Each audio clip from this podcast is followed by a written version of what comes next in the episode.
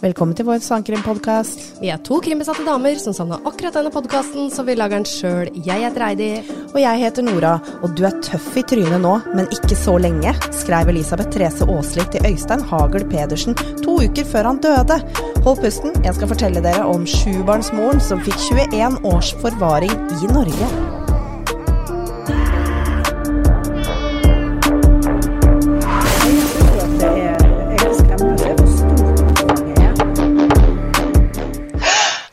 Nora. Hei, Heidi. Vi skal tilbake til Norge!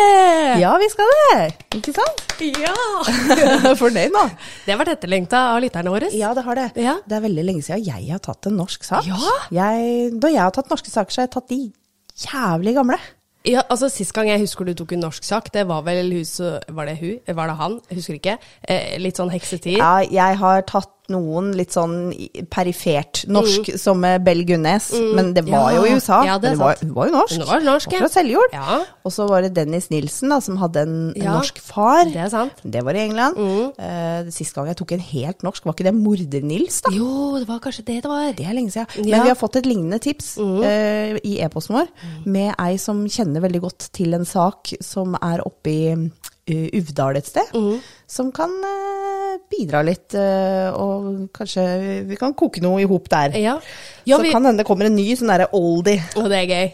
Vi fikk jo, det var ei, nå beklager jeg, nå husker jeg ikke helt navnet, men det var ei som bodde eh, eh, like ved der Per Vålnes Oh. saken befant seg. Ja. Og hun sendte faktisk også en video fra når hun da kjørte gjennom Lavangerdal. Eh, Den uttalelsen igjen, hun forklarte hvordan jeg skulle uttale okay, det. Eh, det Ja, nei, ja, jeg, jeg vet ikke. Nei. Nei. Hun, hun, jeg tror hun delte det opp, så det var noe sånn Lavangsdalen, eller noe sånt noe, eller Lavangdalen.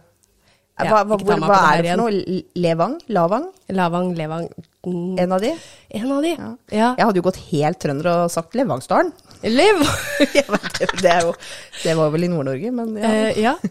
Noe, noe der. Men det var veldig, veldig kult å Mm. få det. Og det var kjempemorsomt å se. Selv om det var jo mørkt, så du så ikke så mye, men hun sa det har forandra seg noe sykt her oppe siden den saken. Mm, Så veldig Det er så kult! Ja. Ja. Jeg føler det er lenge siden vi har spilt inn. Er det det? Ja, jeg eh, Det er jo ikke det, men ja. Det, føles sånn. Ja. For vi har jo spilt inn siden liven, Ja, men det føles som det er lenge siden. Ja, det gjør det. Men det er kanskje fordi vi har litt mye som har skjedd i det siste. Ja, kanskje det er det. Ja. Ja. Da kan vi vel dele med Ja! lytterne våre hva som har skjedd. Uh, ja, altså vi har uh, inngått en avtale med moderne media. Ja. Uh, så nå blir det reklamer i episodene. Yeah! I alle episodene. Og folk bare. Men, ja, jeg, jeg håper jo og tror at lytterne er glade på våre vegne. Ja. Nå har vi holdt på i to år, og nå kan vi faktisk få litt reklameinntekter. Ja. Det er gøy. Og jeg er så gira! Er kjempestas! Ja, veldig. Mm. Så det er veldig, veldig gøy for oss. Eh, da ja, vi, vi er jo allerede i den appen uh, deres mm. som heter Untold. Og da regner jeg med at for dere som har den, så er det nok der kanskje det blir reklamefrie episoder, da. Ja. For de har jo ikke noe reklame i den appen sin. Nei. Men hør gjerne på Spotify, for Ja. da får vi jo litt grann eh, for, for dette her, da. Ja, ja, ja. Og det, det er jo fortsatt tilgjengelig for de av dere som Ja. hører på oss gratis. Ja, Ja. for all del. Vi skal ikke bak noe betalingsmur. Nei, så vi er fortsatt på alle plattformer som vi har vært. Absolutt alle. Så det er ingen forskjell for eh, deg som lytter. Men for oss, Oss er det det.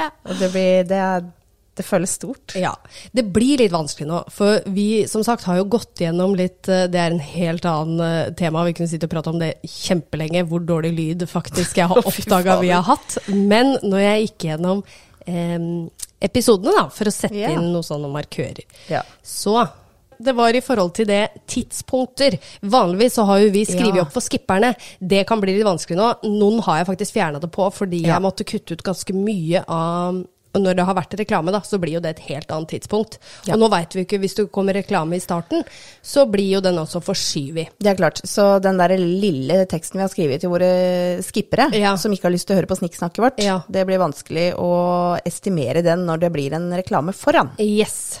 Og den eh, reklamen Vi veit jo ikke hvilken reklame som kommer på forhånd, og det er også sånn at det, vi setter inn en sånn der liten knagg som de kan henge reklamen på, og da kan de også bytte ut den reklamen når Ja. den reklamekampanjen er over. Så det vil jo også være varierende lengde på de. Mm. Det eneste som kan være som jeg har sett på noen podkaster som har reklame, er at han nullstiller seg når reklamen kommer, på tida, tenker jeg nå. Oh, ja. Og så starter han fra nytt igjen når episoden vår begynner. Det spørs spørs jo helt ja. på hvilken uh, podkastspiller Ja. du har, tenker jeg. Ja. Så jeg tenker det for de av dere som liker å skippe, så får dere bare spole litt uten at vi har skrevet opp noe tid. Ja. Det Og rett og slett gå bort ifra det. Ja, jeg tror vi må gå bort ifra det, så vi beklager for det, men eh, sånn er det. Ja. Det blir mindre jobb for oss. Ja. Så skal vi prøve da å ikke skravle for mye, men det Nei, der lover jeg ingenting. Der, Nei, nei! nei det, vi liker å skravle litt. Vi gjør det. Ja. Jeg har fått meg ny jobb, da. Det har du! Gratulerer! Takk, takk. Ja, dette er gøy. Eh, det, jeg, jeg bytter selskap, Mm. eh, men jeg bytter ikke bransje. Nei. Og så eh, tenker jeg at vi trenger ikke si noe mer enn det, men eh, annet enn at nå skal eh, jeg slippe å jobbe turnus. Og eh, livet ser jævla bra ut, altså. Det er så bra. Eh, Jeg har for så vidt eh, Jeg har ikke fått meg Eller jeg har fått meg Jeg har for så vidt fått meg en ny jobb, jeg òg. Har du det? Ja. Starta et firma. Ja, ja, fordi du og jeg, eh, vi får noen inntekter, og da må vi drive og gjøre dette riktig på papiret og skatte og hurra meg rundt. Så vi har starta et selskap, vi. Mm, det har vi. Åssen føles det å være gründer? Ja, det er rart. Det er veldig rart. Å, Heidi, Ja. Skål. for to år siden Ja, så starta vi den podkasten her. ja tenk det. Det er, eh, det er snart akkurat to år siden. Jeg husker ikke datoen. Nei. Eh, Da spratt vi en flaske champagne. Det gjorde vi. Nå, eh, nå er klokka Nå er det på formiddagen, og du kjører bil, og jeg har en unge nede og hele Ja. pakka. Men vi har kaffe. Skal vi bare ta en liten skål? Du gjør det. To år, godt jobba. Takk i like måte. En annen ting som jeg kjapt vil ta opp. Vi sa jo egentlig i forrige episode at vi skulle ha besøk til denne episoden. Ja, å Men ja. så har det vært litt sykdom her, så det er Ja. derfor vi eh, Å gud, det hadde jeg helt glemt. Ja, det, det hadde jeg òg. Inntil jeg satt i bilen i stad og tilfeldigvis hørte på episoden. Takk for at du tok Ja. opp det. Så jeg beklager, Hedda. Ja, vi får sende deg en melding. Ja, Vi skal sende deg en melding. Vi beklager for at vi ikke har nevnt noe for det. Nei, det jeg, jeg, altså jeg har vært hjemme fra jobb eh, en uke. Ja. Jeg har vært sjuk som en bikkje. ass. Ja. Eh, det var dattera vår som fikk omgangssjuke. Ja. Og han samboeren min er fortsatt dårlig. Stakkar. Altså det, det er helt sinnssykt. Omgangssyk altså, jeg har ikke hatt det siden jeg var barn. Det, jeg, og, jeg, og jeg hang over doskåla og, og ropte på elgen, og så tenkte jeg når er det jeg gjorde det sist når ikke jeg var fyllesyk? Og det husker jeg ikke. Ropte på elgen, var det det du sa? Ja, Har du ikke hørt det? Nei! Nei, det er et uttrykk, jeg lover. Å, så gøy. Og du har å komme med det. Bare for å liksom si det litt mer delikat, da, Ja. at jeg spøy. Du, du, du, Jeg hater å for, ja, men du har vel hørt at eh, folk sier at eh, jeg elga? Ja, det har jeg hørt. Ikke sant? Du ropte på elgen. Jeg er elga. Oh, Ok. Da, ja, skjønner du, så kort tenkt er jeg. Ja, vi sier det i hvert fall i Lier. Ja, sant. Ja.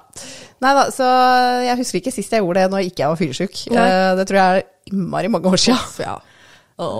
Ja. Jeg blir kvalm bare av å prate om det. Å, sorry, sorry. Nei, det går fint. Nei, skal vi, skal vi prøve den her, da? Ja! Skal vi prøve den her? Ja, det blir, eh, det blir, det blir sånn jeg sier det. Eh, For det her var ingen enkel sak. Vi fikk et tips av Guneva om denne her.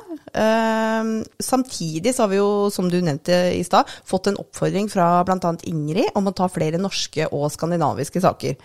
Og da, eh, kombinert med at jeg har ligget på sofaen i en uke, så fikk tikka den meldinga inn fra Guneva, og jeg bare yes! Der satt den. Den tar jeg. Samme hva det er, jeg bare tar den. Um, jeg vet ikke hvordan du liker å jobbe, Heidi, men jeg begynner ofte på Wikipedia. Det er ikke, ikke fordi jeg bruker Wikipedia for å skrive hele saken, men jeg Nei. syns det er et enkelt utgangspunkt. Og så er det et sted jeg liker å få oversikt, for da kan jeg lese liksom hva har skjedd, hvordan skjedde det, osv. Sånn, For å se om er dette interessant for meg eller ikke. Eh, men hun her, da, Elisabeth Therese Aasli, hun har ingen Wikipedia-side. Nei. Nei. Så det å få oversikt og finne tidslinja, det er ikke like enkelt. Nå har jeg lest Aner ikke hvor mange jeg har lest sjukt mange artikler på NRK og VG for å komme til bunns. Og det er liksom da En artikkel dekker jo liksom én del av rettssaken og så har litt bakgrunnshistorie. Og en annen dekker en annen del med også litt bakgrunnshistorie. Så jeg har liksom måttet lappe sammen alt dette her. Og det er ingen som noen gang har skrevet noe om henne heller. Det fins ikke noe portrett som liksom tar for seg barndommen hennes eller sier noe om hvorfor hun er som hun er. Men det fins veldig mye presse om rettssaken. Mm. Så det her eh, blir litt mer rotete enn vanlig. Eh, men, eh, men jeg gjør et forsøk. Ja, du, har gjort det før, du, og det har blitt så jækla bra, så dette går fint. Vi får se.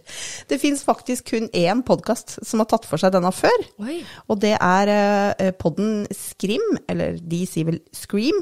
Uh, men det skrives SKRIM. Uh, og det er to norske jenter, men de leser på engelsk. Ja. Og så har det kommet Jeg tror det har kommet mer informasjon siden de spilte inn sin episode, fordi jeg fant i hvert fall mye mer. Mm.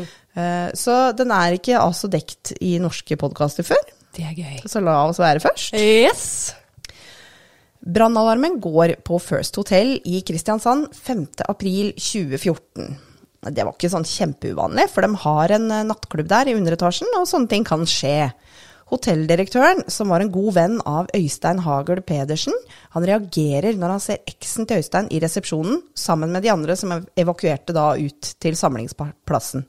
Han ga henne helt tydelig beskjed om at hun skulle ha seg vekk, hun var ikke velkommen der.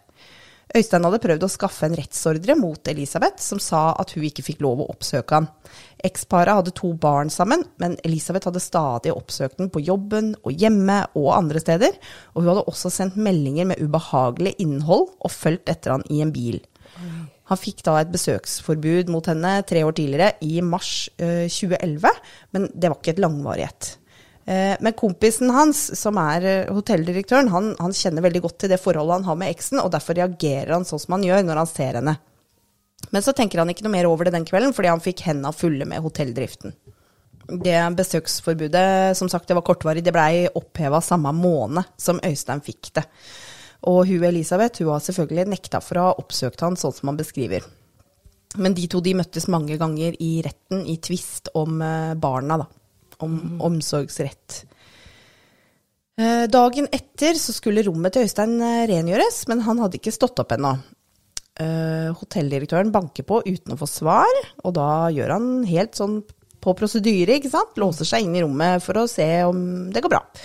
Han ser kompisen ligge med huet ned i puta, og han snakker til han og sier at du, nå må du våkne, og at de skal gjøre reint rommet. Når han ikke får svar, så tok han på beina hans og sa, liksom rista litt og sa 'hallo, nå sover du godt'.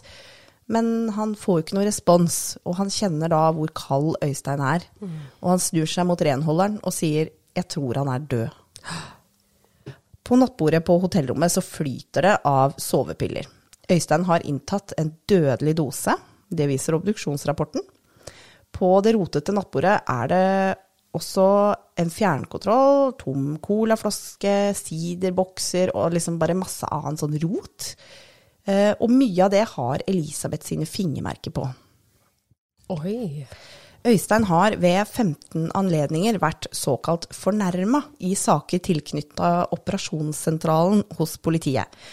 Og med det regner jeg med at han og Elisabeth har hatt såpass hissige krangler at han sjøl har ringt 112, eller kanskje andre rundt han har ringt for han. For det er det som står i en artikkel da, at ved 15 anledninger så var han eh, fornærma mm. i saker tilknytta operasjonssentralen. Ikke sant. Ja. Eh, kompisen, eh, han hotelldirektøren, han beskriver Øystein som en mann man kan stole på. En som var veldig kreativ. Og han var også litt sånn oppfinner. Han fant opp masse greier som han søkte patent på. Uh, og han var en som likte å være ute i skog og mark, og en som var uh, veldig fotballinteressert. Og han hadde også sitt uh, eget selskap, hvor han solgte turklær. Øystein han flytter fra Geilo til Kristiansand og blir sammen med Elisabeth. de får to barn sammen. Elisabeth får totalt sju barn med fem fedre. Mm. Med Øystein fikk hun barn nummer fem og seks men de hadde ikke noe godt forhold. Vennene til Øystein beskriver det som om han visna litt, og hotelldirektøren sier det var turbulent. Mm. Han sier at Øystein hadde fortalt han at han var fortvila, men han hadde ikke spesifikt bretta ut om detaljene. Når det blei eh, slutt da, mellom Øystein og Elisabeth, så flytta Øystein tilbake til Geilo. Han sendte en melding til Elisabeth hvor det sto 'Nå har dere hatt to forsøk på å ta livet mitt. Jeg er redd, og jeg flytter'. Oi. Mm -hmm. Hvem er dere? Ja, det ja. lurer jeg også på. Ja. Og det har jeg ingen svar på. Nei, faen. Hvem er dere? Hvem er dere? Kanskje nye typen hennes, da, eller noe sånt noe? Kan hende. Jeg kjenner igjen typen. Nei, igjen nei, men altså Nei. Jeg har med han seinere, skjønner du. Ja. Og han eh, Nei, det tror jeg ikke. Nei. Nei. uh, nei, jeg, jeg veit ikke. Hmm. Altså, hun har, eh, som vi vil høre seinere, også trua folk med torpedoer.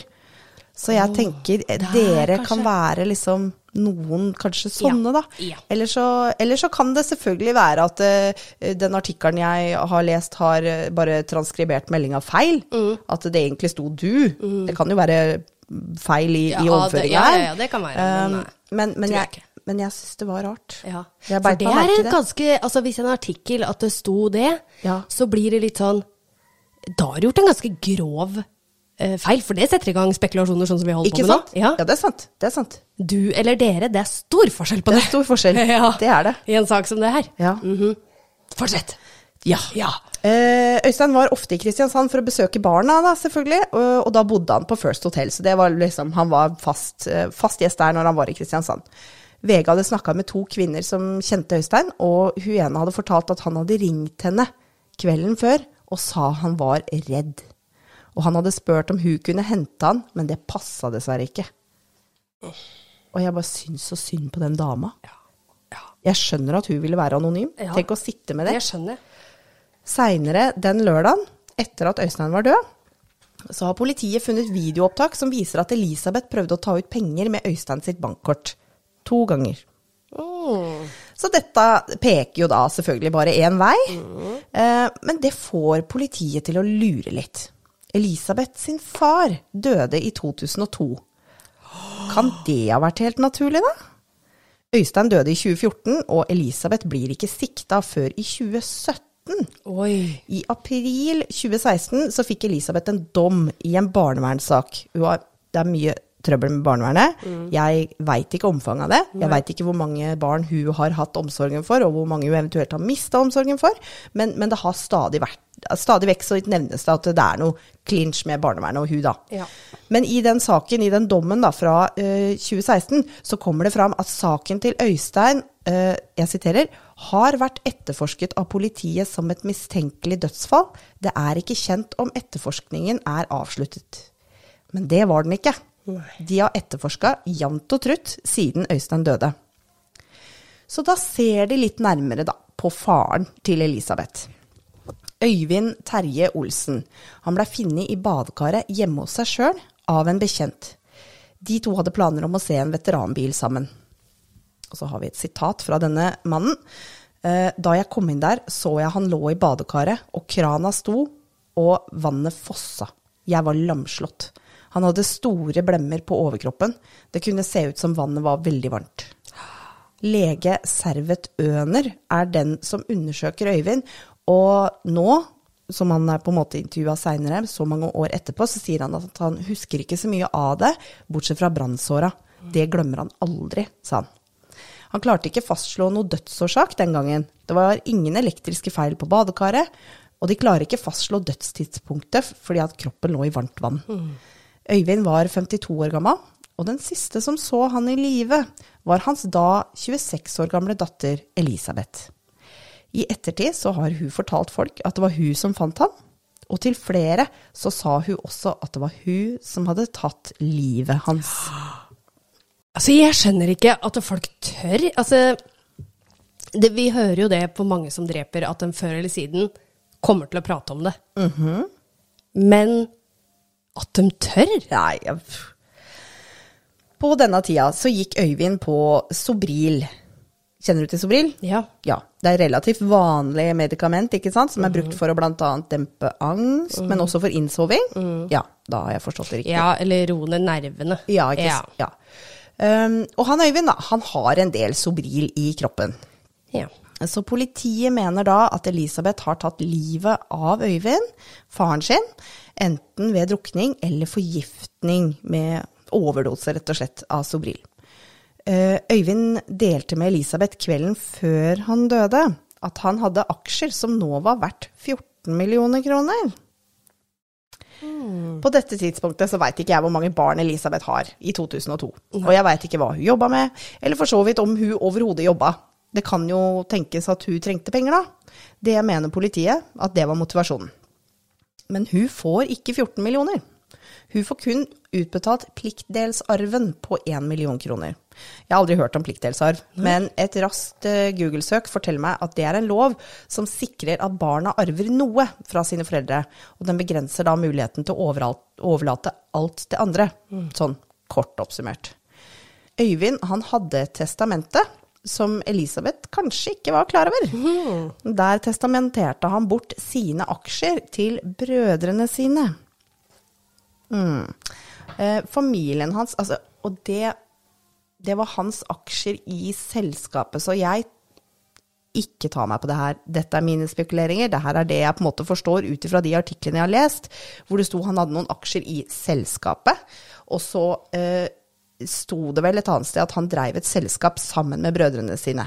Så jeg tror dette kanskje er et selskap de har sammen, og ja. da er det jo kanskje naturlig, da, at man eh, etterlater de aksjene til de som skal drive selskapet. Ja. Litt sånn medeierfølelse. Type greier, ikke sant. Ja. ja. Men, men, men, som sagt, ikke ta meg på det her, for det har jeg ikke lest svart på hvitt. Ikke peiling på aksjer i det hele tatt. Ikke det, det heller, nei. nei. uh, men uh, familien hans, uh, familien til Øyvind, forteller NRK at de hadde et innbrudd på et kontor der Øyvinds testamente var låst inn i en safe. Og de mener det var Elisabeth som sto bak. Oh. Elisabeth framsatte et krav om et større oppgjør av arven etter faren, men det fikk hun aldri. Øyvind blei aldri obdusert i 2002, men politiet åpner grava igjen i 2017 og finner da spor av sovemedisin i jordsmonn og i hår. I hva for noe? I jorda? Ja. Mm -hmm. Jeg er imponert av uh science, altså forskning eller ja. ja, medisin. Herregud, hva vi ikke får til i dag. Ikke sant. Altså, det er så sykt at det her er en norsk sak. Ja. Det høres så innvikla ut. Og det er så sjukt at ikke det ikke finnes en Wikipedia-side. Jeg skjønner ikke. Men nå, Heidi, nå blir det enda sprøere. Fordi politiet setter inn en undercover-agent til å infiltrere livet til Elisabeth. Så rått! Ja. Agenten blir venninna hennes og etterforsker henne i hemmelighet i tre år. Allerede i desember 2014, bare åtte måneder etter at Øystein ble funnet på hotellrommet, så møtes agenten og Elisabeth. Og de henger sammen minst 50 ganger. De møttes i Kristiansand og andre steder i landet, og de snakka sammen på telefon og på Facebook. Og det finnes 150 timer med opptak av møtene og samtalene. Kontakten mellom de to fortsatte inntil bare uker før Elisabeth blei pågrepet. Det, det, det, All creds altså, til å være sånn etterfor... Tenk at vi skulle vært sånn undercover-agenter. Altså, det hadde jo ikke gått. Du får en tilknytning til enkeltpersoner. Ja, ja. Det, det, det, gjør du. Ja. Men også det litt sånn stressgreiene ja. med at du liksom Ok, nå sitter jeg her med en morder, og ja. nå skal vi late som vi er tjommiser, liksom. Ja. Altså, oh. det, ja, så liksom, det kan alltid bli avslørt. Det kan alltid hun er så på Du veit jo aldri. Og du veit jo hva hun er i stand til. Eller du har i hvert fall noen ganske sterke indisier på hva hun er i stand til. Ja. Teorier òg. Mm -hmm, mm -hmm.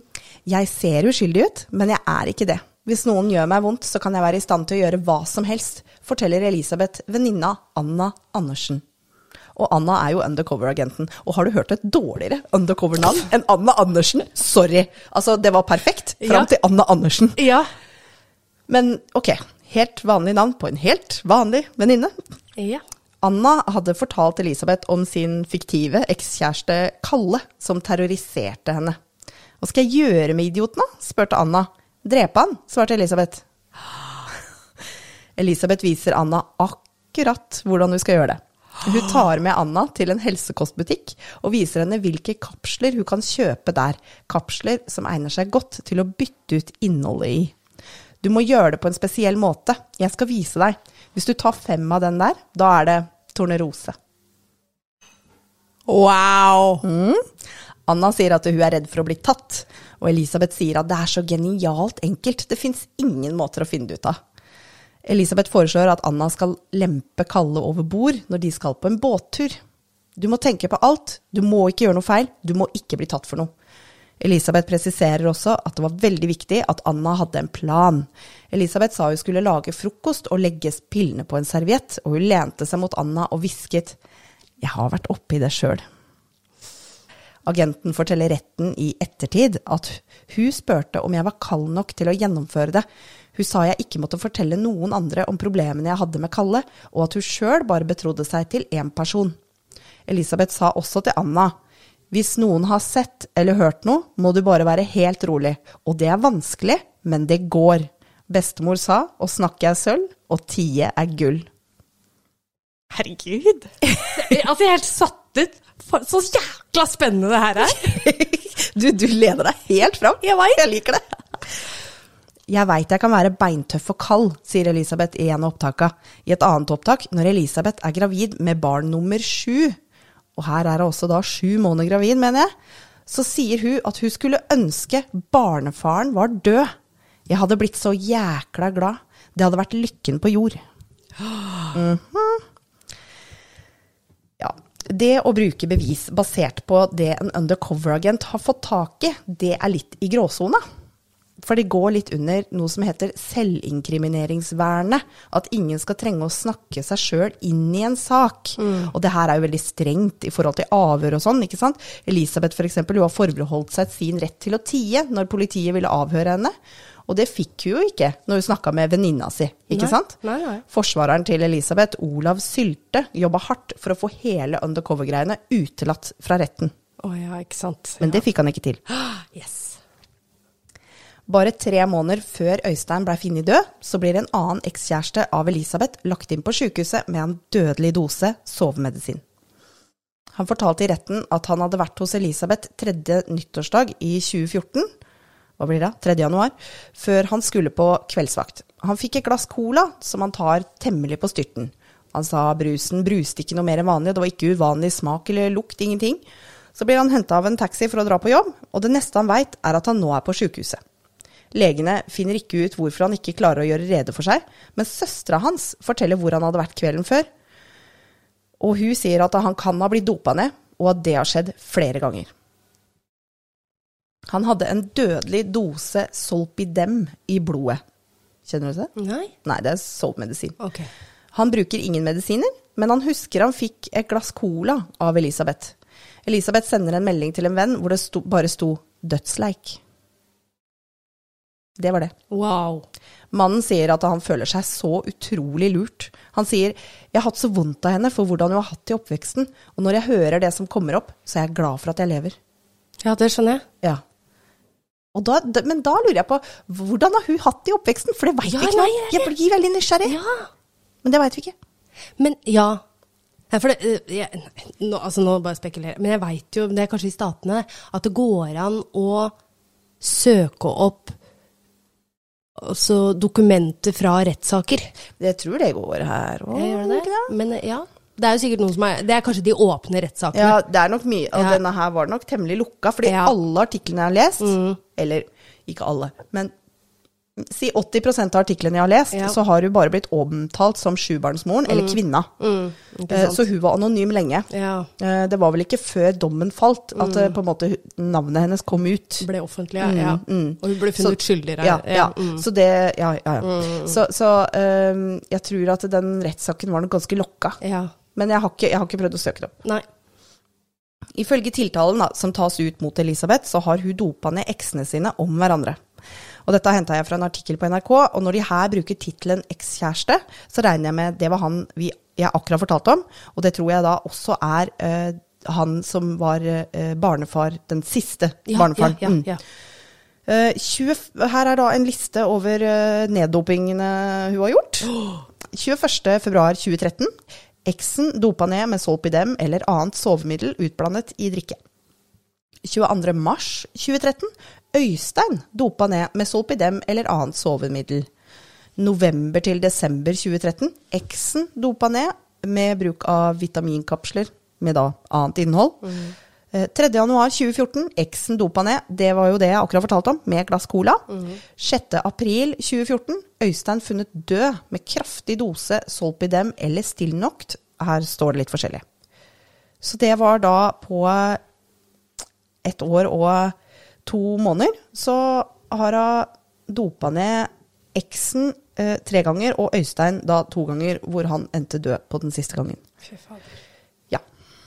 Takk Gud for at han andre lever. Ja. Ja.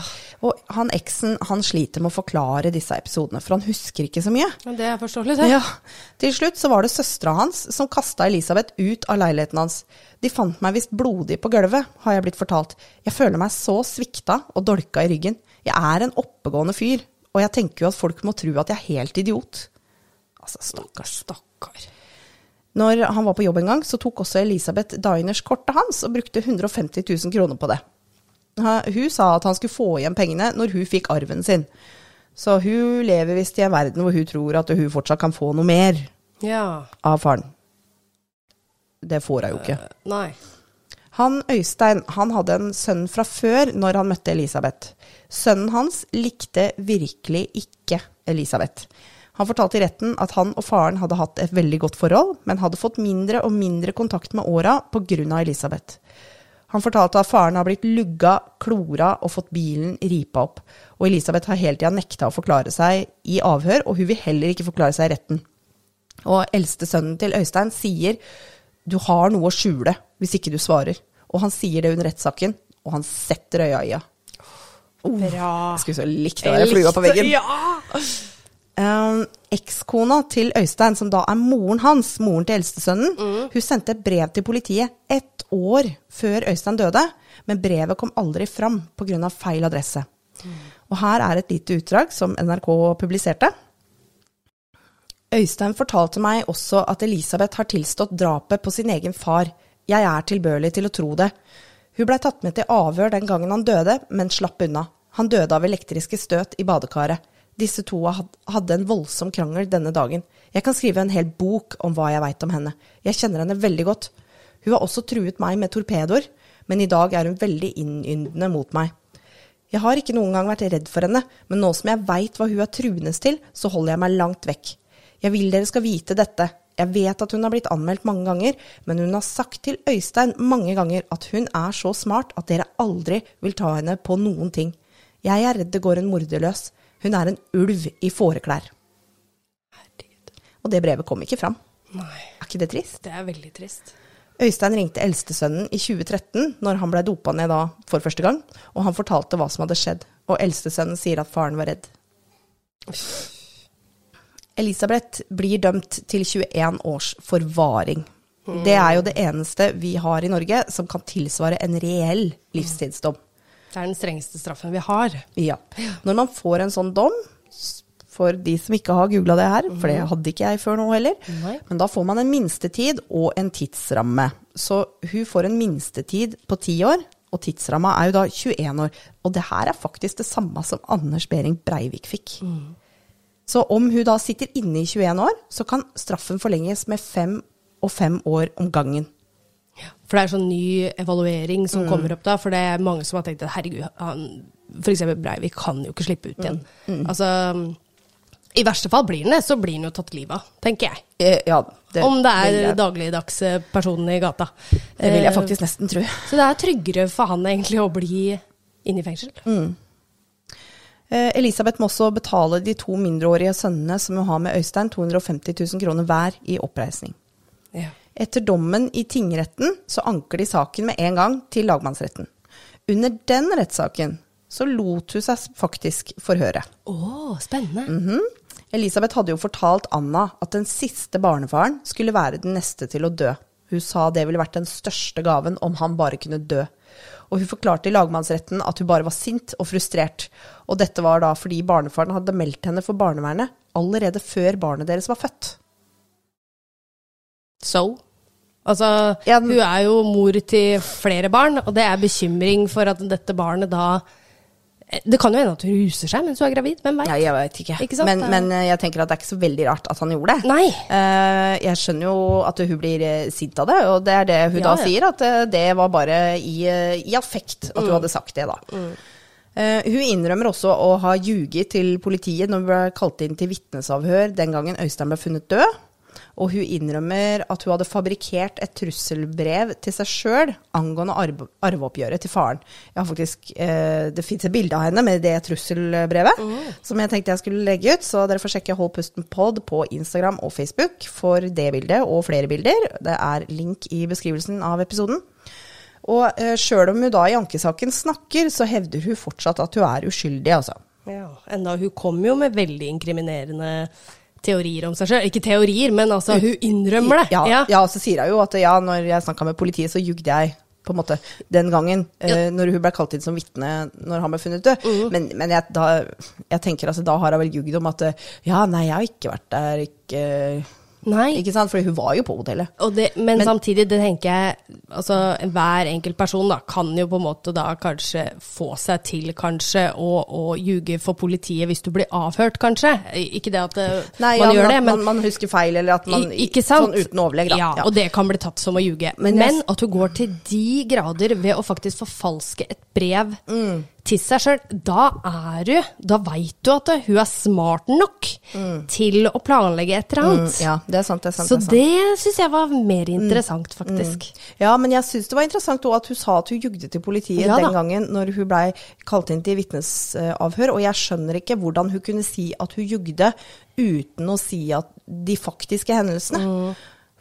Mm. For da har hun vel bare produsert en løgn på en løgn. Mm. Um, for jeg skjønner ikke hvordan det går til uten å si at uh, you got me. Mm, yeah. Men uh, i hvert fall, når dommen blir lest opp, så viser Elisabeth ingen følelser. Eksen, han som er pappaen til da den yngste av de sju barna, han blir veldig letta. Etter Elisabeth ble pågrepet, så fant politiet en lapp hjemme hos henne hvor navnet hans sto. Og det var tegna masse opp-ned-kors rundt, og dødsårsaker var notert rundt navnet hans. Hjertesvikter, hjerteinfarkt, kraftig skade. Sånne ting. Herregud. Det er jo helt psykopatisk. Ja. Og hun hadde også lagt ut et bilde av det som så ut som en voodoo-dokke, på Facebook. Eh, akkurat det bildet syns jeg var interessant, Mm. men det sto ikke utdypa i artikkelen hva på en måte hensikten med det var. Jeg lurer på hva hun skrev til det bildet. Skrev hun noe til det bildet, eller bare la ut bildet? Ja, det lurer jeg også på. Hva er teksten? Ja, hva er teksten Jeg til har bildet? laga ei dokke, eller Ja, eller Dette her er eh. Yngve, han skal dø. Ja, ikke sant? Altså, nei. Til, sju, til syvende og sist da, så blir hun dømt for eh, to overlagte drap og neddoping av eksen ved tre anledninger. Hun blir også dømt til å betale skadeerstatning til fire personer på totalt 930 000. Jeg håper og regner med at eksen er en av dem. Mhm. Og hun blir dømt for å ha brukt kredittkortet til eksen urettmessig, som det heter på fint.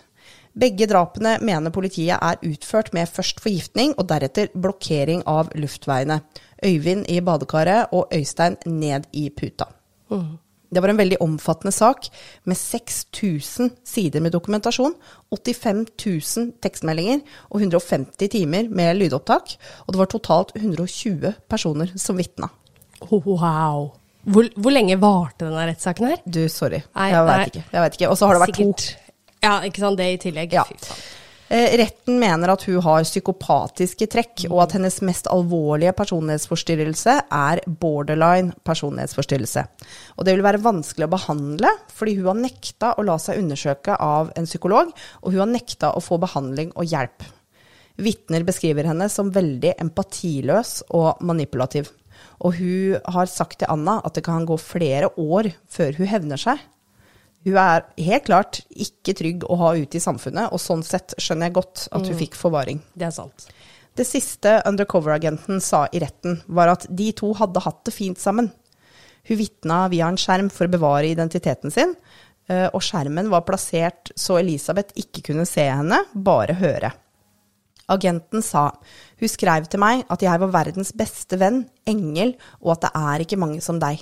Vi lo mye sammen, og det er viktig å understreke at vi hadde det bra. Ja, det var litt det som jeg nevnte Mm, i stad, at når du opp, er så mye med en person over lengre tid, Ja. du blir jo, blir knytta til dem Ja. på en eller annen måte. Rett og slett. De prøvde å anke saken da videre til Høyesteretten, men fikk avslag. På et eller annet tidspunkt her, eh, kanskje mellom den første og den andre rettssaken, så bytta ut advokaten eh, Olav Sylte med John Christian Elden. Eh, Du ler av Olav Sylte, det er litt gøy navn. Eh, Men det hjalp visst ikke. Så i, eh, det, det, de fikk jo da avslag på det. I august i fjor, 2022, Mm. Så begjærer Elisabeth saken sin gjenåpnet via enda en ny advokat, Sigurd Klomsæt. Sigurd sier han er veldig overrasket over at denne saken ikke er tatt videre til Den europeiske menneskerettighetsdomstolen.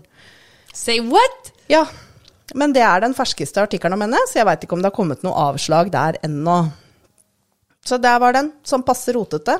Jeg syns ikke den var rotete i det hele tatt. Altså, jeg har gjort mitt beste. Ja, fy fader. Takk, Nora! Klapp til deg! Ja. Herregud! Og det var da så lite.